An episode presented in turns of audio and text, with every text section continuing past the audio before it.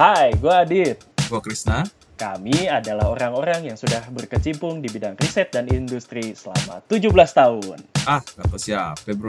Kata kuku kakak kaki, kuku kaki kakek. Alah, susah banget dah podcastnya bro, asli. Halo semuanya, kembali lagi bersama gua Krisna di Kata Kuku Kaki Kakekku Podcast. Podcast yang walaupun namanya susah, tapi mencoba menjelaskan hal terkini dengan mudah dan menyenangkan. Hari ini kita ditemani lagi nih oleh teman yang biasa kita ngobrol bareng. Halo, halo kita ditemani semuanya. oleh Adit. Yo, selamat Halo, Dit. malam. Eh, Apa kabar nih? yo, Baik. Halo, halo. Baik, baik, baik, baik. Apa kabar bro? Baik juga, cuman kebetulan nih anak istri lagi pergi kan. Jadi gua lagi agak santai di rumah. Asik. Oke, oke, oke, oke, oke, oke. Biasalah kalau misalnya udah ada anak kecil gitu kan, udah nggak bisa santai punya kan. Kalau udah siang-siang gini udah pasti aduh sibuk. Pasti heboh sama anak kan? Yoi. Jadi hari ini bro, gue pengen bahas nih ngomong-ngomong soal anak tadi. Gue hari ini mau bahas ke growing up in the age of social media nih bro. Hmm, oke, Jadi menarik. kebetulan nih kan gue baru-baru kemarin tuh baca. Jadi ada ex eh, ex direkturnya atau chiefnya Facebook gitulah, pokoknya yang bagian dari eh, engineer-nya. Dia bilang, um, dia bilangnya dalam bahasa Inggris ya. Dia ngomong, I grew up in a time when everybody look up uh, at astronaut. Everybody look to be somebody who be the first on the moon. Dia bilang. I pity you because you grew up in the age where everybody want to sell something. Dia ngomong gitu. Oke. Karena maksud dia itu waktu itu dia agak nyentil-nyentil Amazon karena waktu itu kan Amazon lagi beken banget kan zaman kita kan. Dan semua orang pengen kerja di Amazon gitu kan. Dia ngomongnya waktu itu gimana? Pokoknya intinya dia ngomong eh, dia dia tuh dia hidup, dia tuh tumbuh di waktu orang itu pengen jadi astronot, pengen ke bulan. Hmm. Sedangkan kita tuh hidup mungkin mungkin kita udah agak lebih tua ya, mungkin lebih yang lebih muda. Di masa di mana eh, lu pengen kerja untuk gimana caranya membuat orang beli barang. Dia intinya dia ngomong Ya. gitu. Betul. Tapi kalau dilihat dari sekarang ini udah berubah lagi nih, Bro. Oh, Ini kita anak-anak kita ini nanti tumbuh in the age di mana mereka pengen jadi influencer, bro. Yang yang mereka lihat itu bukan lagi si Am- Amazon lagi nih, udah udah lewat tuh Amazon juga tuh. Mereka pengennya jadi youtuber, lewat masanya ya. jadi tiktokers. Betul, Nah yang betul. yang gue pengen Betul. bahas ini, menurut lu gimana, bro?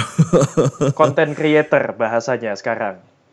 konten creator ya bukan influencer ya youtuber kan YouTube kan sering bilang Iya. YouTube influencer gitu kan Banyak sih eh, istilahnya bro. Ada yang ngomong influencer, ada yang ngomong eh, apa namanya content creator, ada yang ngomong banyak banyak sebenarnya eh, istilahnya. Cuman ya kurang lebih eh, intinya sama sih. soalnya mungkin counter creator lebih kayak netral gitu kali ya Ya betul betul. Lebih ke tapi maksud maksud gue adalah kalau dilihat dari gaya bahasanya si eh, yang tadi ngomong ini kan kesannya seperti astronot itu kan tinggi gitu kan. Itu adalah Ya. so- so- something that we can be can we can look up to gitu kan. Terus dia Yes, ngomong soal misalnya chief engineer-nya Amazon atau kerjaan di Amazon itu ini of course eh, kerjaan di Amazon maksudnya yang bagian developernya ya itu agak ya quote unquote lebih rendah lah daripada astronot ya kan posisinya. Dan apakah menurut lo sosial media nih gimana nih bro? Apakah itu adalah sesuatu yang kita bisa look up to gitu? Eh kalau gue pribadi nih ya, kalau gue pribadi eh harus kita akui bro bahwa sosial media itu adalah sesuatu yang powerful, powerful, sangat powerful terutama di Iya. zaman sekarang, di zaman informasi, ya kan, di mana eh Iya Presiden Jokowi belum lama juga di Indonesia pernah pernah bilang bahwa komoditas paling paling berharga eh, sekarang-sekarang ini tidak lagi eh, apa namanya sumber daya alam seperti minyak dan lain sebagainya, tapi komoditas paling tinggi sekarang ini adalah data dan informasi. Kita hidup di zaman zaman telekomunikasi, zaman informasi, di mana informasi adalah sesuatu yang Iya, powerful, betul. kan gitu. Gitu. Jadi Kalau- kalau menurut lu ke sendiri- pertanyaan lu, Iya. Hmm? Eh, apa sih apa sih yang membuat sosial media ini sekarang bisa tiba-tiba luar biasa gitu ya? Dalam sosial media dalam hal ini ya kita pilih yang mainstream aja lah ya. Eh, apa aja sih yang mainstream? Hmm. YouTube. Ada TikTok. Ada apa Instagram. lagi sih, Bro? Instagram ya, Instagram. Facebook, Twitter. Facebook ya, Facebook udah yang paling lama sih. Kalau dipikir-pikir kan Facebook tuh udah lama banget kan. Betul. Betul. Betul. Facebook tuh yang mungkin tertua ya setelah Friendster kali ya. Lu masih ngalamin nggak tuh? Iya. Gue masih ngalamin kalau Friendster. Terus lu tau gak sih bro tentang awal-awalnya kenapa sih Facebook, kenapa Mark Zuckerberg eh, bikin itu Facebook gitu? Eh, kenapa ya? Jadi Hah? awalnya itu tuh di Amerika, dia kan eh, di Amerika kan dia di Harvard. Nah Oke. di Harvard itu kan banyak yang disebutnya house-house gitulah. Jadi kayak apa ya disebutnya fraternity itu loh. Kayak student student Oh. house, kayak dorm dorm, kayak kos-kosan lah. Yang kos-kosan Oke. untuk mahasiswanya yang disediain oleh universitasnya. Nah mereka tuh biasa punya directory, jadi punya list orang yang di dalam di dalam masing-masing house itu dalam bentuk buku yang ada fotonya. Itu disebut buku-buku itu disebutnya Facebook. Nah, terus Oh, eh, sama dia, jadi dulu sebelum ada Facebook yang internet yang Mark Zuckerberg ini, biasanya buku itu tuh adanya disimpan sama orang yang di dalam house dalam bentuk fisik atau di online directory kayak private tapi. Contohnya kayak misalnya lu upload foto lu ke Zoom atau ke Gmail. Nah, waktu lu kirim email kan muncul tuh foto lu. Kayak gitu, jadi kayak private directory gitu. Terus si si Mark Zuckerberg Hmm. ini mikir, ini harusnya dan artinya kan si ini udah mereka tuh udah punya kan. Cuman nggak terkoneksi aja. Maksudnya mereka udah punya di online muka-mukanya cuma nggak terkoneksi aja kan. Itu dihack sama dia. Diambil datanya.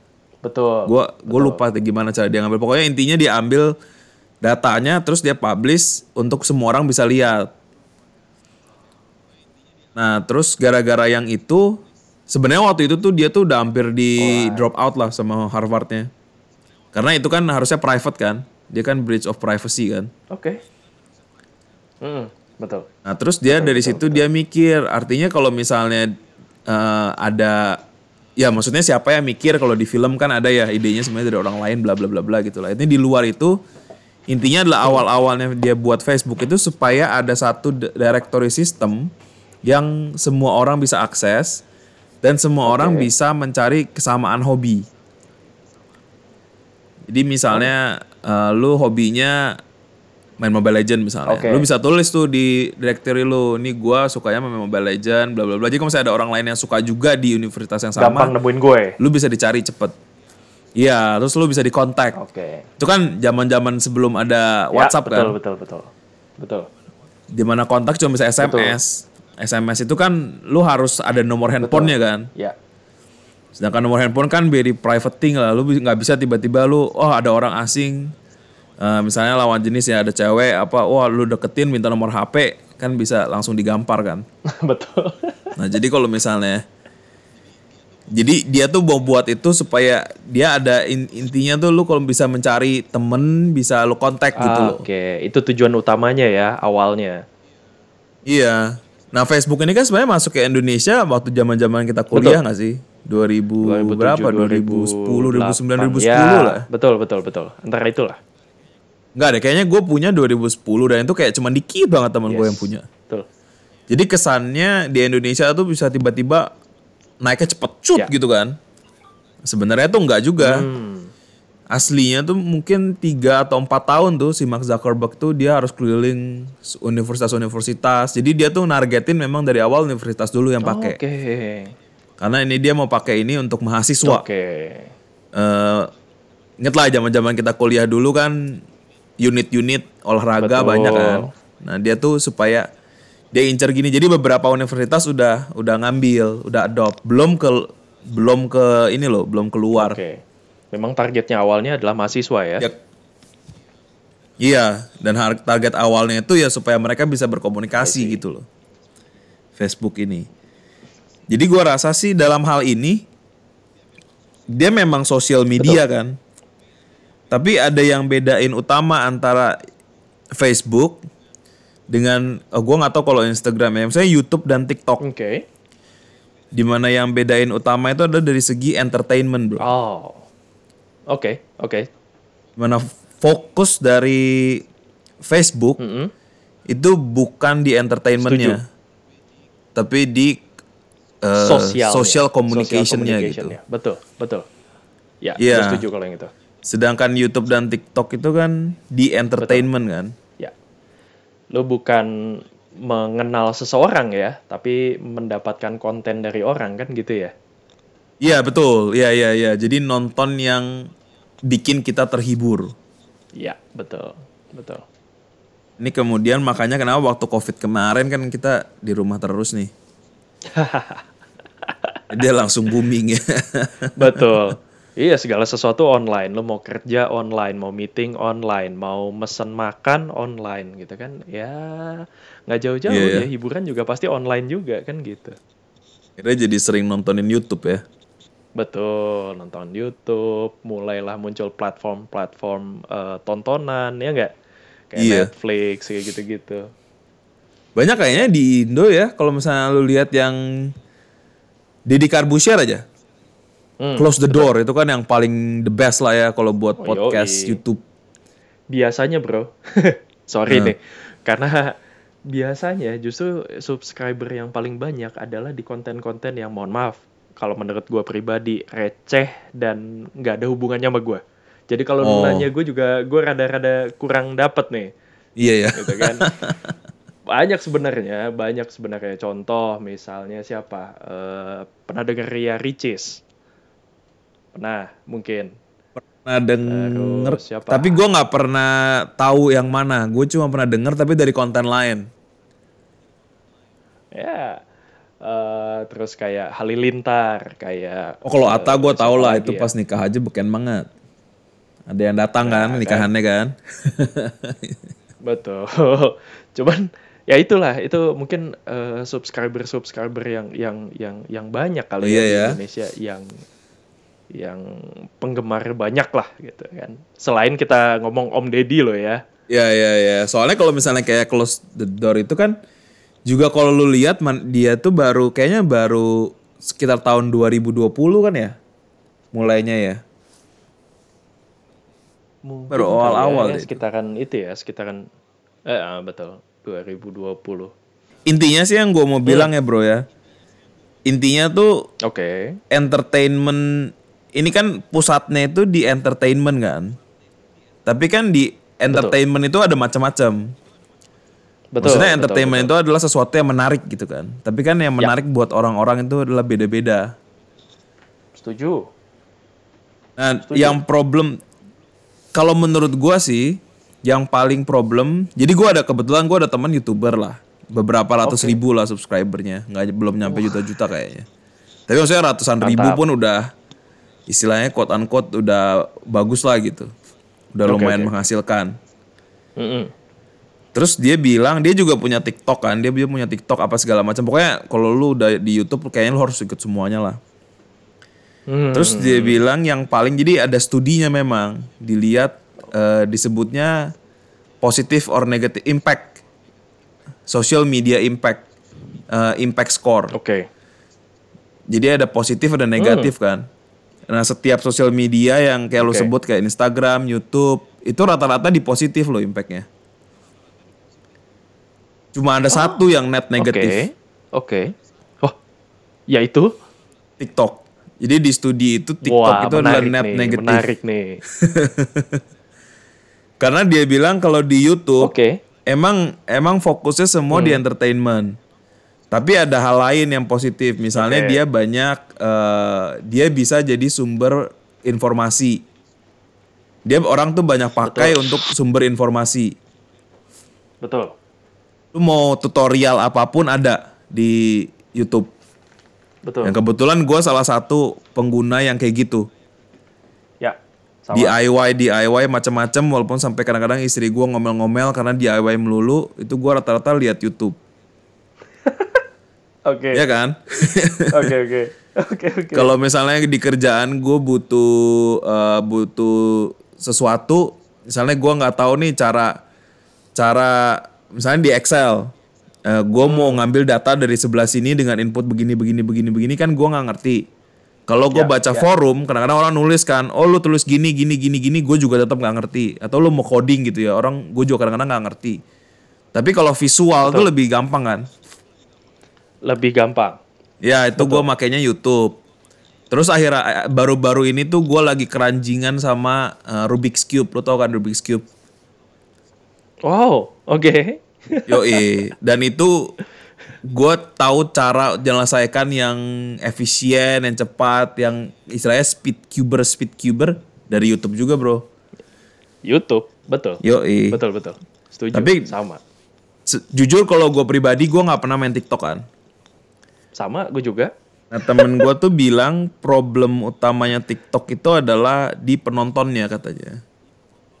Karena by the end of the day Oke. platform-platform ini itu kan dia buat eh, dia bikin supaya ditonton orang gitu kan.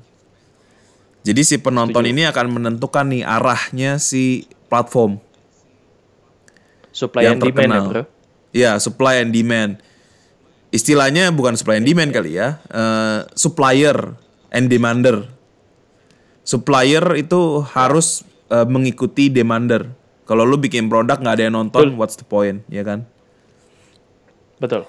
Nah, menurut data, eh, menurut datanya itu majority jadi ke eh, yang paling besar, persentase paling besar, ini gue bacain dari TikTok, itu ada di, Oke. di pengguna TikTok itu ada di umur pengguna TikTok itu ada di 10 sampai 19 tahun, Wih. yang paling besar. Anak muda. Anak-anak malahan. Iya. Sedangkan YouTube itu ada di 25 sampai 34 tahun. Oh, justru Udah di umur-umur bagian- produktif kayak kita ya. Iya, ya kayak kita gini lah ya. Sedangkan di Instagram itu di 18 sampai 24 tahun. Jadi memang dari Campuran. pengguna aja paling banyak anak di TikTok tuh paling banyak anak kecil lah istilahnya. Kan ini kalau di Indonesia terkenalnya bocil kan. Jadi bocil-bocil. Betul.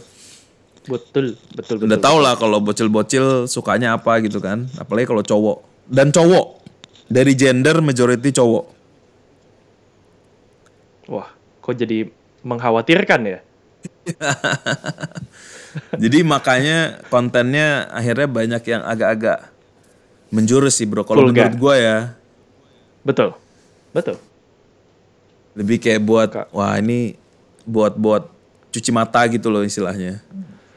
Karena kalau menurut gue pribadi nih bro, eh, salah satu yang yang menjual banget dan mungkin salah satu yang membuat eh, TikTok menjadi booming di di di Indonesia terutama Iya. di kalangan para pria ya nggak jauh nggak bukan ya ya konten-konten yang seperti itu yang vulgar. Seksi-seksi. Sorry nih, sorry to say. Yes, Iya. betul. Hmm, gimana ya? Nah. Kalau gua ngomong entertainment itu emang penting. Tapi Betul. kurang bermutu lah menurut gua. Iya, entertainment memang memang ya entertainment ya. Cuman eh mm, ya balik lagi tuh preference masing-masing orang. Cuman ya mungkin lu atau gua kita mungkin sama pemikirannya bahwa entertainment juga harus bisa memberikan sesuatu kan. iya sih, menurut gua gitu. Ada sesuatu yang bisa kita tarik lah dari situ. Nah, balik Iya, lagi ke topik utama tadi, gimana growing up in the age of social media gitu menurut lo? Well, kalau menurut gue sendiri ya, eh, apa? Hmm, sekarang balik lagi bahwa kayak gue bilang di awal, yang namanya sosial media adalah sesuatu yang yang yang powerful sekarang ini. Sosial media Yeah. adalah sesuatu yang powerful dan kita tidak bisa menafikan bahwa eh, ya itu powerful, gitu kan?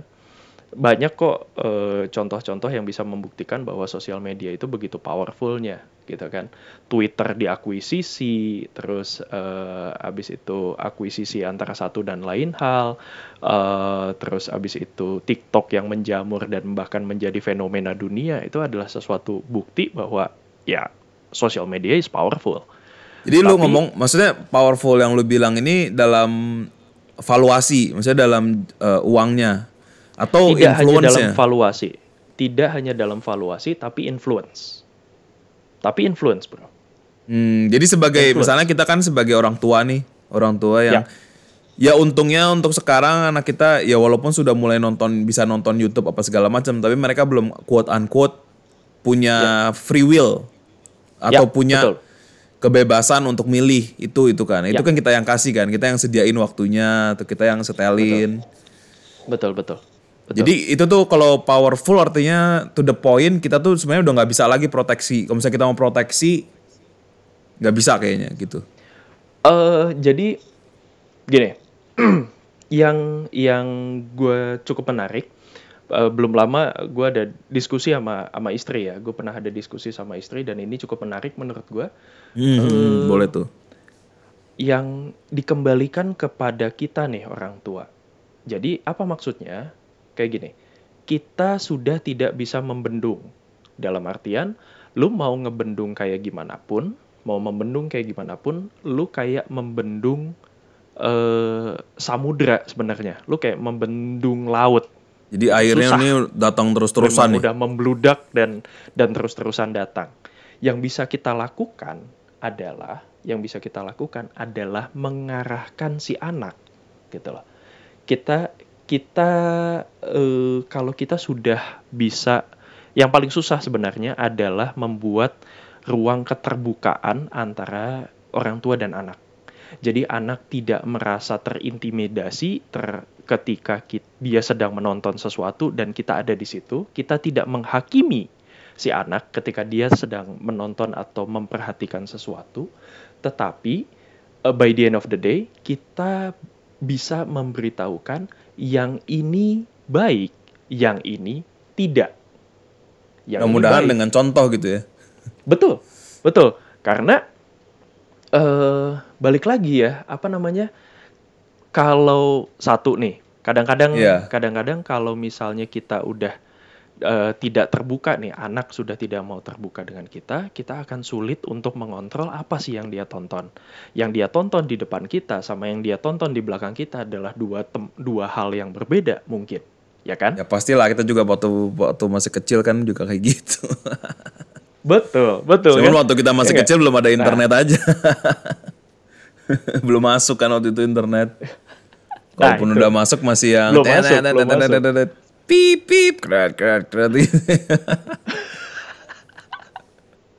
Nah, masih dial kalau- up gitu yang tipe-tipe satu jam 15 ribu kan. Jadi Nah. kalau kita mau kirim email tulis dulu di Word. Nah, Di zaman-zaman dial itu up banget kirim putusin lagi. kan. Kayaknya mau nge apa? Mau buka mau buka wallpaper aja kita mau download wallpaper itu nunggunya lama banget. gue ingat banget tuh pertama kali gue pakai internet tuh mau ngedownload wallpaper buat komputer. Ya Tuhan, lamanya. Ya, tapi zaman- balik lagi. Balik lagi, balik lagi. eh kalau pembicaraan gue sama istri adalah yang pertama kita harus bisa terbuka nih. Anak mesti bisa terbuka Ya. nyaman terbuka sama kita. Itu yang pertama gitu kan? Yang kedua eh tanpa ngejudge tanpa ngejudge sekali lagi kita sudah bisa mengarahkan kita harus bisa mengarahkan orang tua nih mana yang benar dan mana yang tidak. Gitu. Kata-kata tanpa ngejudge ini Istilah kesannya- istilahnya nge tanpa ngejudge kita bisa mencoba mendirect gitulah ya anak itu Ah, interestnya tanpa- ke arah yang kita mau gitu ya. Betul, ya. Misalnya gini, eh apa namanya? Kalau, ih, kok nontonnya gitu bang? Kok nontonnya yang begituan? Itu kan nggak boleh, gini-gini. Ah itu itu ngejudge tuh. Iya iya kan? iya. Tapi kalau kalau kita sudah bisa, eh tadi nonton apa? Emang menurut kamu gimana? Gini gini gini gini. Oh bagus apa enggak? Gitu kan? Manfaat nggak buat kamu? Kalau misalnya dia bilang "Eh, nggak ada sih manfaatnya. Nah menurut kamu yang yang punya manfaat buat kamu yang seperti apa. Ah itu kan nggak ngejudge, gitu. Kit, Mudahan kita Karena ada gini, kesabaran deh. anak- betul. Konon nih, konon nih, kan kebetulan istri istri gue nih guru, guru TK. Iya. Nah, dia bilang eh, anak-anak zaman sekarang tuh udah jauh lebih kritis dibandingkan zaman kita dulu, bro. Oh ya, Jauh pemikirannya Lebih- lebih, kritis. lebih ini, lebih Lebih apa? Lebih direct advance kali lah. ya. Ah, ah, lebih advance, lebih direct gitu. Sehingga eh apa justru itu yang harus kita manfaatkan. Kita memanfaatkan eh, pikiran mereka yang kritis untuk tanda kutip mengkritisi diri mereka sendiri. Gitu. Ini ya saya irim perkembangan zaman, perkembangan teknologi, akses ke kayak gitu banyak. Jadi pola pikir mereka pun lebih cepat gitu ya developnya ya. Betul. Karena eh zaman dulu, Bro, zaman dulu orang tua kita bisa ngasih password, bisa ngunci, bisa eh apa pun lah, bisa ada parental eh apa eh, lock Protection dan lain gitu ya, sebagainya. parental lock. Ah, ah. Nah. Parental locks kayak Bro, kayak lu bilang tadi, YouTube adalah source dari apa? Dari tutorial. Anak zaman sekarang bisa ngebuka parental lock Dengan cara lihat YouTube. Iya, dia dia tinggal buka YouTube karena dia tahu YouTube eh, mungkin nggak dikunci gitu kan parental lock. Dia tinggal lihat tutorial menghapus parental lock. Selesai. Tapi ya sebagai artinya sebagai orang tua juga harus nggak gaptek-gaptek juga. Betul, betul, betul.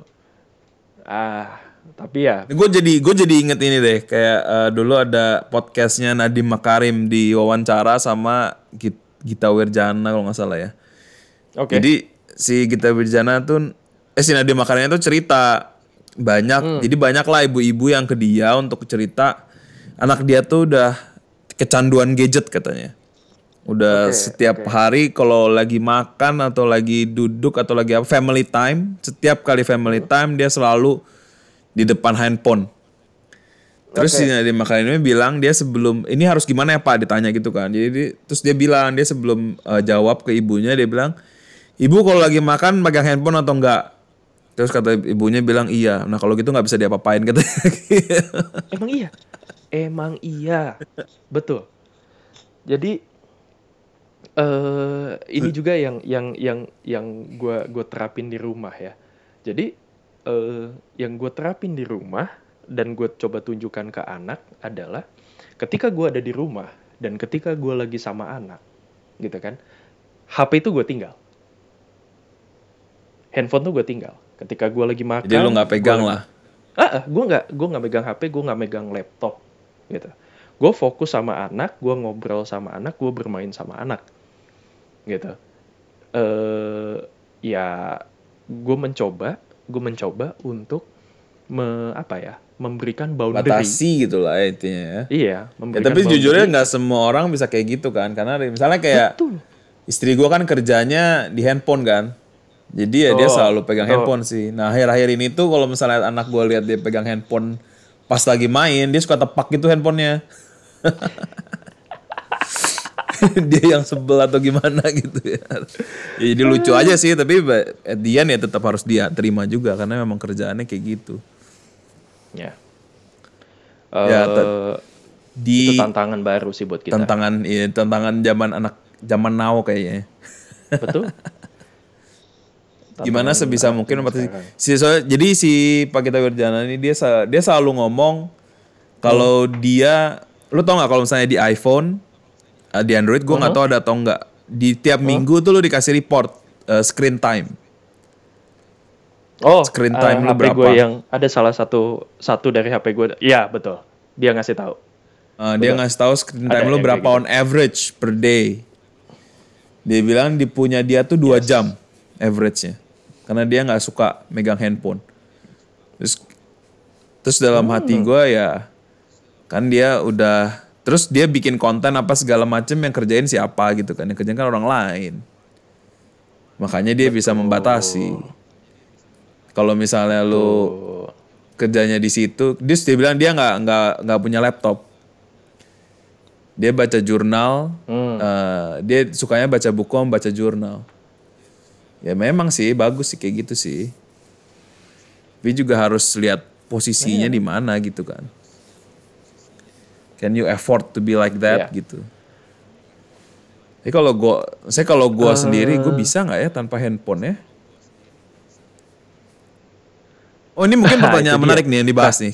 Can you live without phone? Can you live without phone? Hmm. Dalam dalam kehidupan sekarang ini, Bro. Nih, Eh. gua gua gue sedikit ini ya, gue gue sedikit sambil agak curhat nih, gitu. Em, kemarin gue ada diskusi nih sama kawan-kawan gue di di di kantor ya. Eh sekarang ini dulu sebelum zaman covid bro, sebelum zaman covid, ketika eh waktunya Sabtu Minggu weekend kayak gitu-gitu, ya lu libur nih, betul ya? Lu Iya. libur eh dan dan mungkin eh, company atau teman-teman kerja lu akan merespek bahwa hari itu adalah hari hari libur lu gitu. Tapi semenjak Covid terus abis itu ada work from home, work, from everywhere dan lain sebagainya, itu paradigma itu ngegeser. Lu ngerasa nggak kayak gitu? Iyalah. Bahwa udah nggak ada lagi nih, nggak ada Nggak lagi ada jam-jamnya lagi udah langsung hajar. Ya kalau Nah, kalau gua di akademik sih dari dulu kayak gitu sih. Kalau di akademia rata-rata ya se, se- ya pokoknya kerjaan kita kan cuma ngejar deadline aja. Kita ada Betul. deadline paper Iya. untuk tanggal segini ya udah kerjain gitu. Tapi banyak sih temen gue yang ngomong kayak gitu. Work from home jadi work all the time gitu. Iya, makanya. Nah, eh, terus habis itu, ya kadang-kadang, bukan kadang-kadang ya, most of the time untuk gua pribadi dan kawan-kawan gua kerja itu eh, susah untuk pakai laptop sehingga yang kita gunakan adalah HP. HP bisa kita bisa tanda tangan, HP di situ kita bisa review dokumen, HP di situ kita bisa ngapa-ngapain lah dengan menggunakan HP. Jadi kalau kita bilang can you live without phone dalam kondisi sekarang ini, gua nggak yakin. Tahil kayaknya ya. Jujur aja, gua nggak yakin. Iya, gua nggak yakin. Cuma artinya kita Karena- artinya maksudnya eh, itu kita kan bisa lihat handphone dalam artian ini kan handphone sebagai alat bekerja. Artinya handphone itu adalah aset, ya nggak? Aset, betul. Sedangkan kalau misalnya lu lihat handphone untuk buka eh, apa TikTok Ah. itu dia we, quote unquote lu kalau lu nggak dapat apa-apa dari waktu lu pakai time. handphone dia kan jadi liabilities kan. Betul, betul. Artinya ini kalau gue conclude adalah gimana cara supaya kita bisa mengatur supaya handphone ini tetap menjadi aset. Jangan dia menjadi liabilities. Terlepas dari berapapun screen time yang kita punya gitu ya. Iya, ya. Jadi bukan melulu masalah screen time ya. Betul. Nah, kayak lu, lu tadi ngomong di awal bahwa eh, lu banyak DIY dengan menggunakan tutorial YouTube, ya kan? Iya. Mungkin screen time lu besar, bro. Mungkin sk- Yoi. screen time lu besar. Emang besar Tapi sih screen time gua. lu menjadi tapi lu menjadikan screen time lu yang besar itu sebagai aset. Yoi. akan lebih bagus lagi ketika lu nanti nih ketika anak lu udah cukup eh, cukup umurnya lu bisa menularkan dalam artian eh, abis nonton tutorial nih oh ini asik nih kita mau bikin apa aquascape misalnya gitu. Iya iya iya. ya lu ajak anak lu eh ini Hmm. ada ada tontonan nih bagus aquascape. Yuk cobain yuk cobain yuk gitu. Iya, itu jadi lebih yang terjadi sama kakak gua bro. Oh iya. kakak Gua juga kakak gitu ipar gue gitu. Dan dia bisa ngegerakin anaknya. Anaknya tuh screen time-nya beh luar biasa bro. SMA kacamatanya lebih tebel dari gue. Tapi ya nggak mesti lah ya, nggak mesti lah ya, Bro. Ya tapi aktivitasnya aktivitas dengan menggunakan screen time itu juga equal itu yang gue salut Hmm. Jadi gimana dia Gitu. menggunakan screen time ini untuk sesuatu yang produktif gitu ya? betul betul gitu Iya sih. Karena teknologi kan pedang bermata ganda, bro. Iya. Double edged sword. Lu mau pakai gimana? Itu aja sih. Lagi ada chat GPT ini ya. Wah, itu dia. ya. Gua rasa ya, kalau PR, misalnya balik lagi kayak kalau kita ngomongin kayak TikTok. Oke, TikTok mungkin net negatif ya. Net Iya, negatif. kalau ya kalau kata menurut temen gue yang youtuber nih, dia bilang di studinya tuh dia lihat TikTok itu yang net negatif. Jadi dia nggak memberikan apa-apa untuk viewernya, in a way. Ya. Nah, lucu memang karena gue tadi ngebuka sejarah TikTok di Indonesia gitu ya. Ada salah Aha. satu eh, berita dari Kumparan. Di situ ditulis bahwa ini kan TikTok ini buatan Cina ya. Ini kan aplikasi buatan Cina. Sih ByteDance? ya? TikTok sendiri di betul eh, dia keluaran ByteDance eh, diluncurkan September 2016. Satu tahun kemudian di Indonesia September 2017 itu mulai diperkenalkan di Indonesia. Memang di tahun 2018 sempat di ban bro, di ban sama Oh. Kemeninfo. Cuman eh, segitunya perjuangan TikTok untuk membuat ini menjadi tanda kutip legal karena eh, head of marketingnya TikTok mengatakan bahwa Indonesia ini target utama dari proget eh, dari produk perusahaannya. Loh, terus gue mikir Target utama? kenapa ya? Ah, ah, target utama. Kenapa? Karena di sini dia bilang quote on quote ya, dia bilang gini. eh, bagaimana generasi muda di Indonesia itu memiliki rasa narsis yang ditekankan pertama kali narsis dan kreatif yang tinggi Narsisnya narsistik tinggi. Narcissistic behavior. bagian narsistiknya memang eh, memang negatif ya tapi kalau kita lihat di bahasa apa kalimat eh, kata yang kedua adalah creativity Kreatif. betul Jadi narcissically kreatif. Atau creatively narcissistic. creatively narsistik bisa jadi kreatif tapi narsis Iya. tapi eh apa ya eh tidak jarang tidak jarang TikTok itu juga punya nilai plus sih kalau menurut gua tidak jarang gitu ya memang ada konten-konten yang receh yang nggak perlu yang eh, negatif yang toksik gitu kan Lu Iya. kalau lu pernah pernah denger yang itu yang nenek-nenek disuruh sama Ah, cucunya cucunya apa anaknya nah itu kan Gue ya gue gua nggak pernah lihat, gue ya. cuma denger aja banyak yang ngomongin sih itu. Apa mandi lumpur atau apa terus yang ini yang mana yang mandi lumpur Nah. itu bukan sih? Betul. Terus Ya ya ya. karena TikTok kan meng- mengencourage setiap orang kalau memberikan kayak semacam gift itu dapat duit kan buat si orang tersebut. Buat Iya. si konten kreatornya tapi tapi nih bro. Tapi nih eh apa namanya? Tidak tidak sedikit juga kalau gue pernah lihat beberapa teman gue yang pakai TikTok ada orang-orang yang bisa belajar fotografi videografi gitu kan Ada lah. Jadi memang Bagaimana ada ya. men- Cuma mungkin dia ada jadi bag- kemudian jadi net negatif karena sebagian besar yang nonton kan antara 10 sampai 19. Jadi mungkin itu bukan konten Betul. yang ditonton. Yang ditonton lebih yang lain gitu ya. Betul. Yang antara Iya, yang mandi betul. lumpur lah atau yang seksi-seksi tadi gitu, yang vulgar-vulgar gitu ya. Yes. Makanya akhirnya jadi negatif. Yes. Ya artinya Yes. Ya mungkin balik lagi ke yang kayak lu bilang ya. Jadi untuk pesan untuk orang tua, terutama yang mudah-mudahan gue juga nanti bisa menerapkan adalah ini tuh social media power nih terlalu kuat ya. Udah nggak Ya. jadi kita tuh nggak bisa ngeblok. Kita Betul. istilahnya kalau air kita nggak bisa bendung lagi. Kita bisanya kita redirect gitu ya. Betul. Cara redirectnya adalah dengan memberikan tadi lu bilang kayak contoh.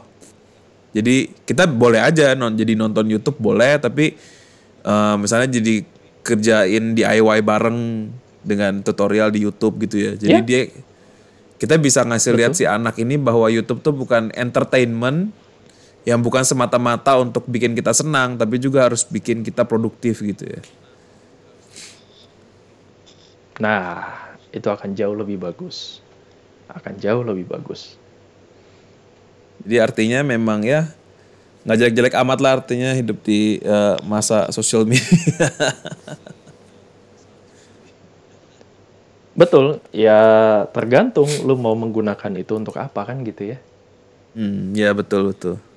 Selama selama kita bisa menemukan sisi positifnya gitu ya, menurut gue pribadi ya, selama kita bisa Iya. menemukan sisi positifnya, eh, lebih baik kita exploit sisi positifnya, gitu.